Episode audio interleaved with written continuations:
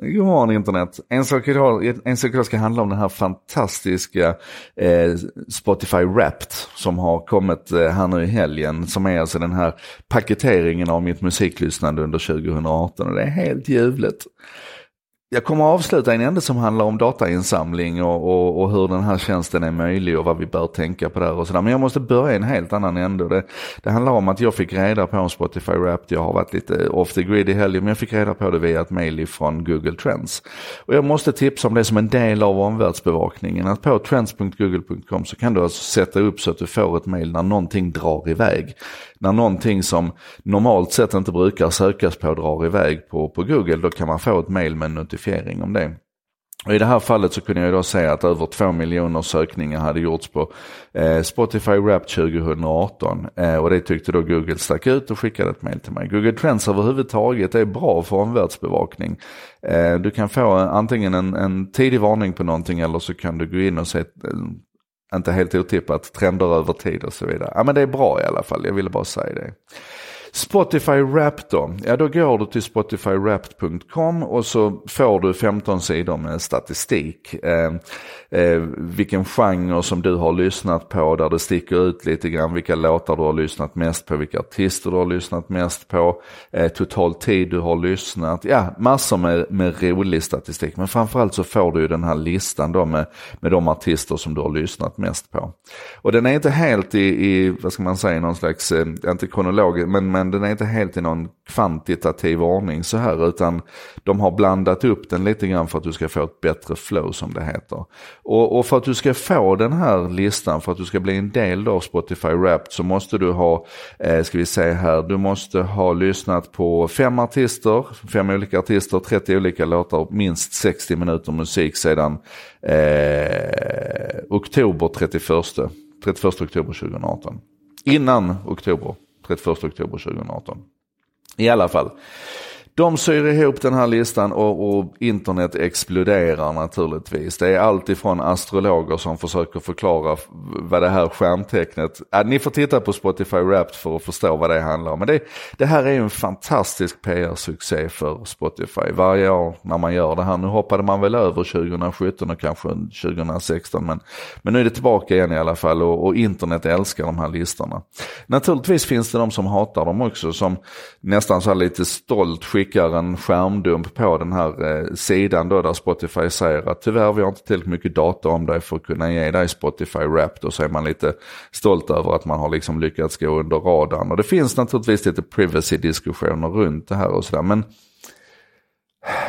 det gör det ju alltid nu för tiden. På det stora hela så skulle jag nog säga att de flesta tycker att det här är ett, ett kul sätt för Spotify att ge tillbaka lite grann av, av all den datan de har samlat in.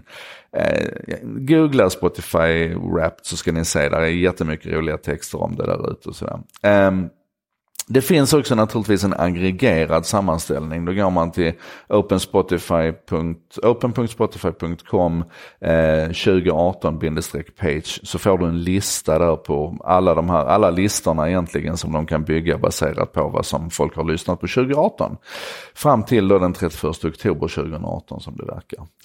Eh, det som jag tycker är riktigt roligt och intressant med det här det är ju själva datainsamlingsbiten i botten. Alltså det här hade inte gått att göra om inte Spotify hade funnits, levererat musiken till oss, kunnat samla in data på exakt hur länge vi lyssnade, vilka tider på dygnet vi lyssnar på vilken musik, hur vi klustrar vårt lyssnande och sådär. Ja men visst det fanns tjänster som Last FM tidigare där man kunde skrobbla sin musik så att oavsett vilken musiktjänst du lyssnade på så samlade den in lite data om, om vad du lyssnar på och sen kunde du få lite topplistor där och sådär. Men när du är inbäddad i det på det viset som du är hos Spotify och de samlar in din data så kan du, du kan göra så mycket mer. Du kan till och med göra som Spotify har gjort här att du får en lista som heter Taste Breakers där man tittar på vad du lyssnar på.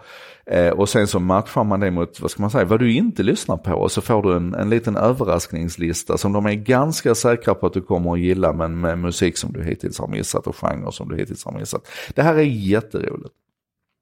Och det här datainsamlandet, och det är ju samma sak som Google gör när de samlar in data för att kunna ge dig den bästa söktjänsten, eller Facebook gör för att leverera relevant innehåll till dig, eller Netflix gör för att du ska få se filmer som de tror att du tycker om. Men det, det här sker ju i den fysiska världen också. Köper du en bil idag så är det ju inte så att den, den när du har hämtat ut den så, så slutar liksom biltillverkarens möjlighet att hålla koll på din bil och leverera data tillbaka till dig. Det är, det är, liksom, det, det, är klart att den gör det så att utvecklingen kan fortsätta. Kliver du på ett pendeltåg i Stockholm så, så känner de av vikten på tåget så de vet hur många människor som är ombord och levererar kontinuerligt data tillbaka så att man kan ge dig eh, förvarning om förseningar eller man kan, man kan eh, naturligtvis anpassa. Ja men ni är med på, alltså allt det här datainsamlandet det gör att vi kan göra magi.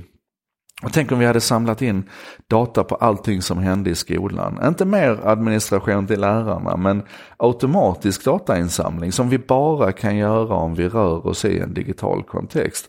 Och som sen då kan, kan ge läraren nya möjligheter till, till uppföljning och anpassning och så vidare. Eller i vården om vi hade digitaliserat den på riktigt och, och verkligen tagit vara på det faktum att jag går omkring med en sån här klocka på armen som till och med nu då sen i helgen i, i USA kan ta ett, ett enklare EKG. Eh, vi måste förstå att när vi flyttar över i en digital kontext så får vi nya möjligheter. Och jag vill att vi ska fundera på när vi nu tomtar omkring här ute i världen, att vi hela tiden funderar på, oh, här skulle vi kunna samla in data. Och hade vi gjort det så tänker vi in i andra och tredje ordningens konsekvenser, vad vi skulle kunna använda den datan till for good. Alltså för att göra gott. Det där negativa med personlig integritet och sånt, det tänker vi mycket på ändå. Men låt oss nu fundera lite grann på möjligheterna med data. Och framförallt gå iväg till Spotify Wrapped, ta upp din, din lista där och lyssna och njut. Det är fan i mig magiskt vad bra det funkar, tycker jag. Det här var en sak idag med mig Joakim Jardenberg. Vi ses imorgon igen.